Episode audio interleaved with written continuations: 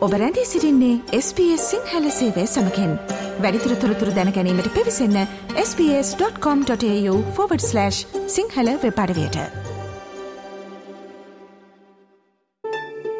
SBS world news ජාතික සහ අන්තර්ජාතිකව ඔබට වැදගත්වන ප්‍රවෘත්ති සැනින් සමීප කරයි.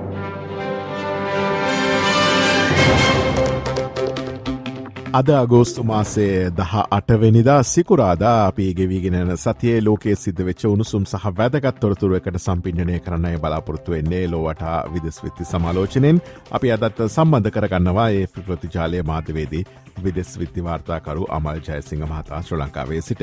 අයිබොන්න සුබදෑසනක් අමල්. අයිබොන් මදුර අපි අද කතාබහ ආරම්භ කරමු ඉතාම කේදනය ප්‍රවෘතියකින් හවායි දූපත් සමූහයේ මවයි දූපතේ ලැව්ගින්න සම්බන්ධයෙන් මේ වන විට ලෝකේම තවමත කතා බහ වෙනවා. ජීවිත හානි කොපමන සංඛ්‍යාවක් වාර්තා වනවාද? දේපලහානි කොහොමද? සහ මේ ලැව්ගින්නේ වත්මන් තත්ත්වය සහ ඊට ප්‍රතිචාර කොහොමද? කියන කාරණා සම්බන්ධයෙන් අපි මුලින්ම අවධහනය යොමු කරමු අමල්. ඔව් මදුර මේ හවායි දූපත්වල තිබිච්ච මේ ලැව්ගින්න නිසා අපි ගිය සතියේ වාර්තා කර සංඛ්‍යාවට වඩා දෙගුණයකින් දැන් ජීවිතක්ෂර පත්වෙච්ච සංඛ්‍යාව වැඩි වෙලා තියෙනවා. මේ වෙනකොට 111 දෙනෙක් මේ මනසිරුරු සොයාගත්ත එහෙම නැත්නම් එය ජීවිතක්ෂර පත් වුණයි කියලා තහවුරු කරගත්තයි කියලා සහන සේවකයන් මේ වෙනකොට ප්‍රකාශ කරලා තියෙනවා. ඒ එක්කම දැන් නොයෙකුත් චෝදනා එල්ලවලා තියෙනවා මේ විදිහට මේ ගින්න පැතිරෙන අවස්ථාවේදී මේ හවායි දූපත්වල තිබිච්ච මේ විශේෂයෙන්ම මේ මවුයි දූපතේ තිබිච්ච ඒ සයිරන් පාවිච්චි කරලා ජනතාවට මේ පිළිබඳ අනුතුරු අගීමක් කරන්න තිබුණයි කියලා. නමුත් මෙතනදී බලධාරීන් ප්‍රකාශ කරනවා මේ සයිරන් සාමාන්‍යයෙන් ඒගොල්ලෝ පාවිච්චි කරන්නේ සුනාමි අවස්ථාවකදී. එතකොට මේ මේ අවස්ථාවේදීත් මේ ගින්න ඇති වෙච්ච වෙලාවෙදිත් ඒගොල්ලෝ සයිරන් එක නාද කළා නම් එහෙනම් බොහෝ විට මේ ජනතාව උස් උස් බිම් ප්‍රදේශවලට යන්නට ඉඩ තිබුණා. ඇතරම මේ ගින්න පටන් අරගෙන ගින්න ව්‍යාප්ත වුණෙත් ඒ උස්බිම් ප්‍රදේශ තුල ඒ නිසා ඇතර මේගොල්ලෝ සයිරන් පාවිච්චි කළා නම් මේ මරණ සංඛ්‍යාව තව වැඩි වෙන්න පුළුවන් කියලා බලධාරීන් ප්‍රකාශ කළා තියෙනවා. නමුත් කෙසේ වෙතත් මේ ගින්න ඇතිවෙච්ච ආකාරය පිළිබඳව තවමත් හරි නිශ්චිත තොරතුරක් නැහැ. නමුත් අපිට දැනගන්න ලැබෙන විදිහට අලුත්ම වාර්තා අනුව බොහෝ විට දැඩි සුළං තත්ත්වයක් තිබෙන වටපිටාවක සමහර ගස් මේ විදුලි රැහැන් මතට කඩා වැටිලා ඒ විදුලි රැහැන් කැඩෙනවත් එක්කම ඇතිවෙච්ච ඒ විදුලි කාන්ත වීම නිසා බොහෝ තැන්වල ගිනි ඇති වෙලා ඒවා පස්සේ මේ කැලෑව කැලෑ ආශ්‍රිත ප්‍රදේශවල ගින්න පැතිරිලා නගරාසන්න ප්‍රදේශවලටත් මේ විශාල දැඩි සුළං තත්ත්වය නිසා ඊටාත්ම කිටි කාලයක් තුළදී පැතිරුණා කියන එක සඳහන් වෙනවා. ඒ එකම මధుර දැන් මේ තත්ත්වය දැන් සහන සේවකයන් වුන් මේ මනසිරුරු සොයා ගැනීමේ කටයුතු සිදු කරන අතරතුරේදීම බයිඩන් ජනාධිපතිවරයාට චෝදනා එල්ලවලා තිනවා ඔහු ඊතරම් ඉක්මනට මේ ඛේදවාචකයේ සම්බන්ධයෙන් පියවරක් ගත්තේ නැහැ. ඔහු දෝෂාරෝපණය කරනවා මේ සහන සේවකයන් නිසි පරිදි මේ ප්‍රදේශයට යවුවේ නැහැ කියලා. නමුත් මෙතනදී ජෝ බයිඩන්ගේ කාර්යාලය සඳහන් කරනවා ඔහුට දැනුම් දීලා තිබුණයි කියලා දැන් තියෙන තත්ත්වය අනුව ඒ සහන සේවකයන්ගේ කටයුතු අවසන් වෙනතුරු ඔහුට මේ ප්‍රදේශයට යාම තරම් සුදුසු නැtei කියලා නමුත් කෙසේ වෙතත් ලබන සතියේ බොහෝ විට සඳුදා වෙනකොට ජෝ බයිඩන් මෙම් ප්‍රදේශයට ගිහිල්ලා විපතටපත් වෙච්ච අය සම්බන්ධයෙන් කටයුතු කරන්නත් ඒ පවුල් වල අයට මේකෙන් ජීවිත බේරාගත් අය සමග සාකච්ඡා කරන්නත් වැඩපිළිවෙලක් සෞදාදියක් කරනවා කියලා වාර්තා වෙලා තියෙනවා. අප ඊළඟ නැවතුම සිද්ධවන්නේ නැගෙනහිර පාකිස්ානය නැගෙනහිර පාකිස්ානයේ සිදු වූ ප්‍රචන්්ඩ ක්‍රියා හේතුවෙන් විශේෂෙන්ම මේ ක්‍රස්තියානයේ පල්ලිවලට ගිනි තැබීමක් සිද්ධ වෙලා තිබෙනවා එතනදි විශේෂෙන්ම ක්‍රස්තියානි නිවාසවලටත් හානි කරන්නට මේ පිරිස සමත් වෙලා තිබෙනවා. අබල් මොකක්ද මේ ප්‍රචන්්ඩ ක්‍රියාවලට හේතුව කෞද මේ සම්බන්ධයෙන් වාර්තාවන ප්‍රචන්්ඩ කල්ලි සහ මේ ක්‍රියාවල වර්තමාන තත්ත්වය කොහොමද. මෙතන මේ පංජාබ් ප්‍රාන්තයේ අන්තවාදී පක්ෂයක් ඉස්ලාම් අන්තවාදී පක්ෂයක් විසින් ඇති කරපු කටකතාවක් වුන් පතුරවල කියලායි වාර්තා වෙන්නේ. ඒ කටකතාවේ ප්‍රතිඵලයක් හැටියට 500කට 600කට අධික පිරිසක් ගෙන්ගෙට ගොසින් ක්‍රිස්තියානි භක්තිකයන් ඉන්න ප්‍රදේශවල ඔවුන්ගේ ඔවුන් නිවාස වලින් එළියට ඇද දමලා ඔවුන්ගේ නිවාස වලට ගිනි තබලා තියෙනවා. ඒ එක්කම යටත් පිරිසෙන් පල්ලි පහකටවත් ක්‍රිස්තියානි දේවස්ථාන පහක් විනාශ කරයි කියලා වාර්තා වෙනවා. මෙතන ඔවුන් මේ ප්‍රචණ්ඩත්වයේ ආරම්භ වෙන්න හේතු උනේ අර අපි කලින් කිව්ව විදිහට කටකතාවක් පතුරලා තිබුණා ක්‍රිස්තියානි භක්තිකයන් දෙදෙනෙක් කෝරාණයට අපහාස කළයි කියලා. ඒ විදිහට මේ තමන්ගේ ආගමට අපහාස කළා කියන පදනම මත තමයි මේ ගිනි තැබීම් ආරම්භ වුණේ. ඉතින් මෙතනදී මේ වෙනකොට පාකිස්තාන් බලධාරීන් සඳහන් කළා තියෙනවා 100කට අධික පිරිසක් ඔවුන් මේ වෙනකොට අත්අඩංගුවට අරන් තියෙනවායි කියලා. ඒ එක්කම මේ ප්‍රචණ්ඩත්වයට මූලිකත්වය දීලා නැත්නම් නායකත්වය දීලා කටයුතු කරේ ඔවුන් TLP කියලා හඳුන්වන අන්තවාදී දේශපාලන පක්ෂ මේක තරක් ඒ ලබෙයික් කියන කණ්ඩායම හැටියට හඳුන්වලා තියෙනවා.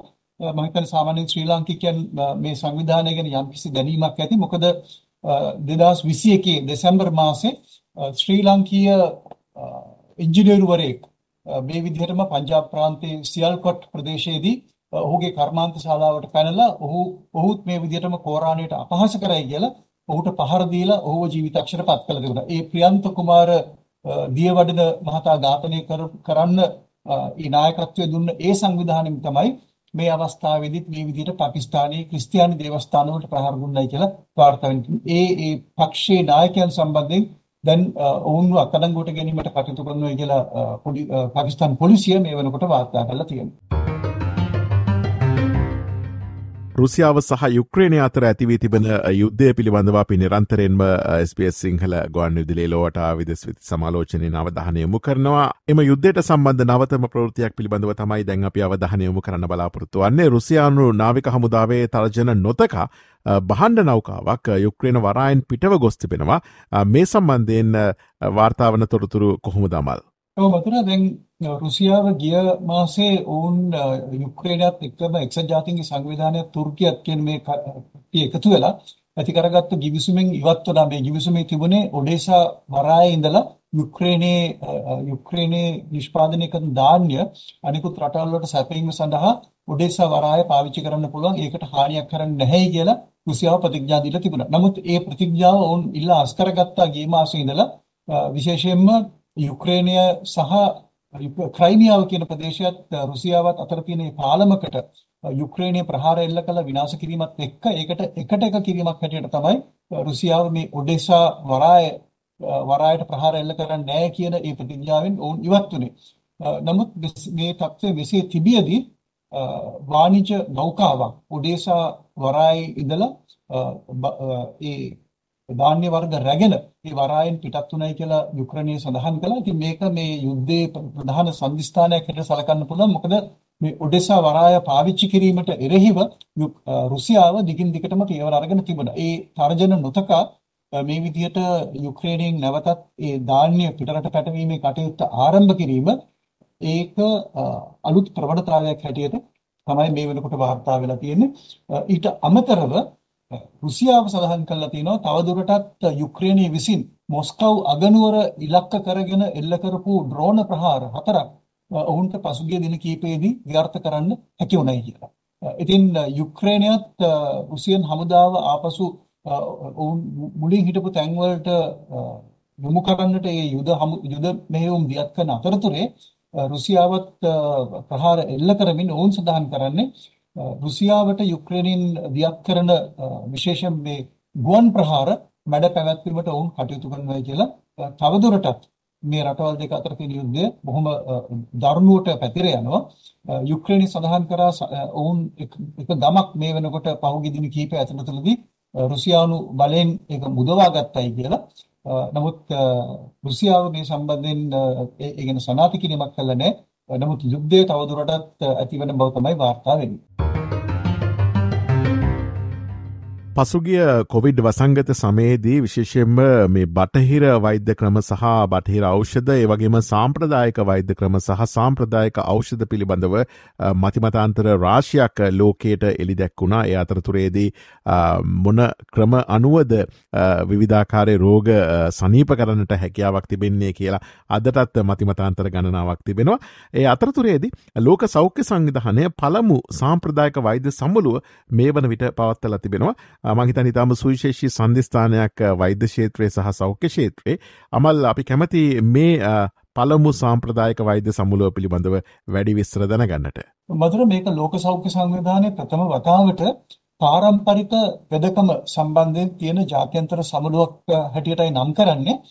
ඔවුන් සඳහන් කරන්නේ මේ ඔවුන් බලාපොරොත්තු වෙන්නේ පාරම්පරික වෙදකම එහෙම නැත්නම් සම්ප්‍රදායික වෙදකම ඒක යම්කිසි විදිහක පරීක්ෂණ වලට භාජනය කරලා ඒක විද්‍යාත්මක පදනමක් මත ජනතාවට ලෝක ජනතාවට ලබා දෙන්න ඕනේ කියන පදනම තමයි මේ සමුළුව පවත්වන්නේ. ඉතින් ලෝක සෞඛ්‍ය සංවිධානය මෙතන මේකට ආරම්භයක් හැටියට වුන් මේකට නායකත්වය දීලා තියෙන්නේ.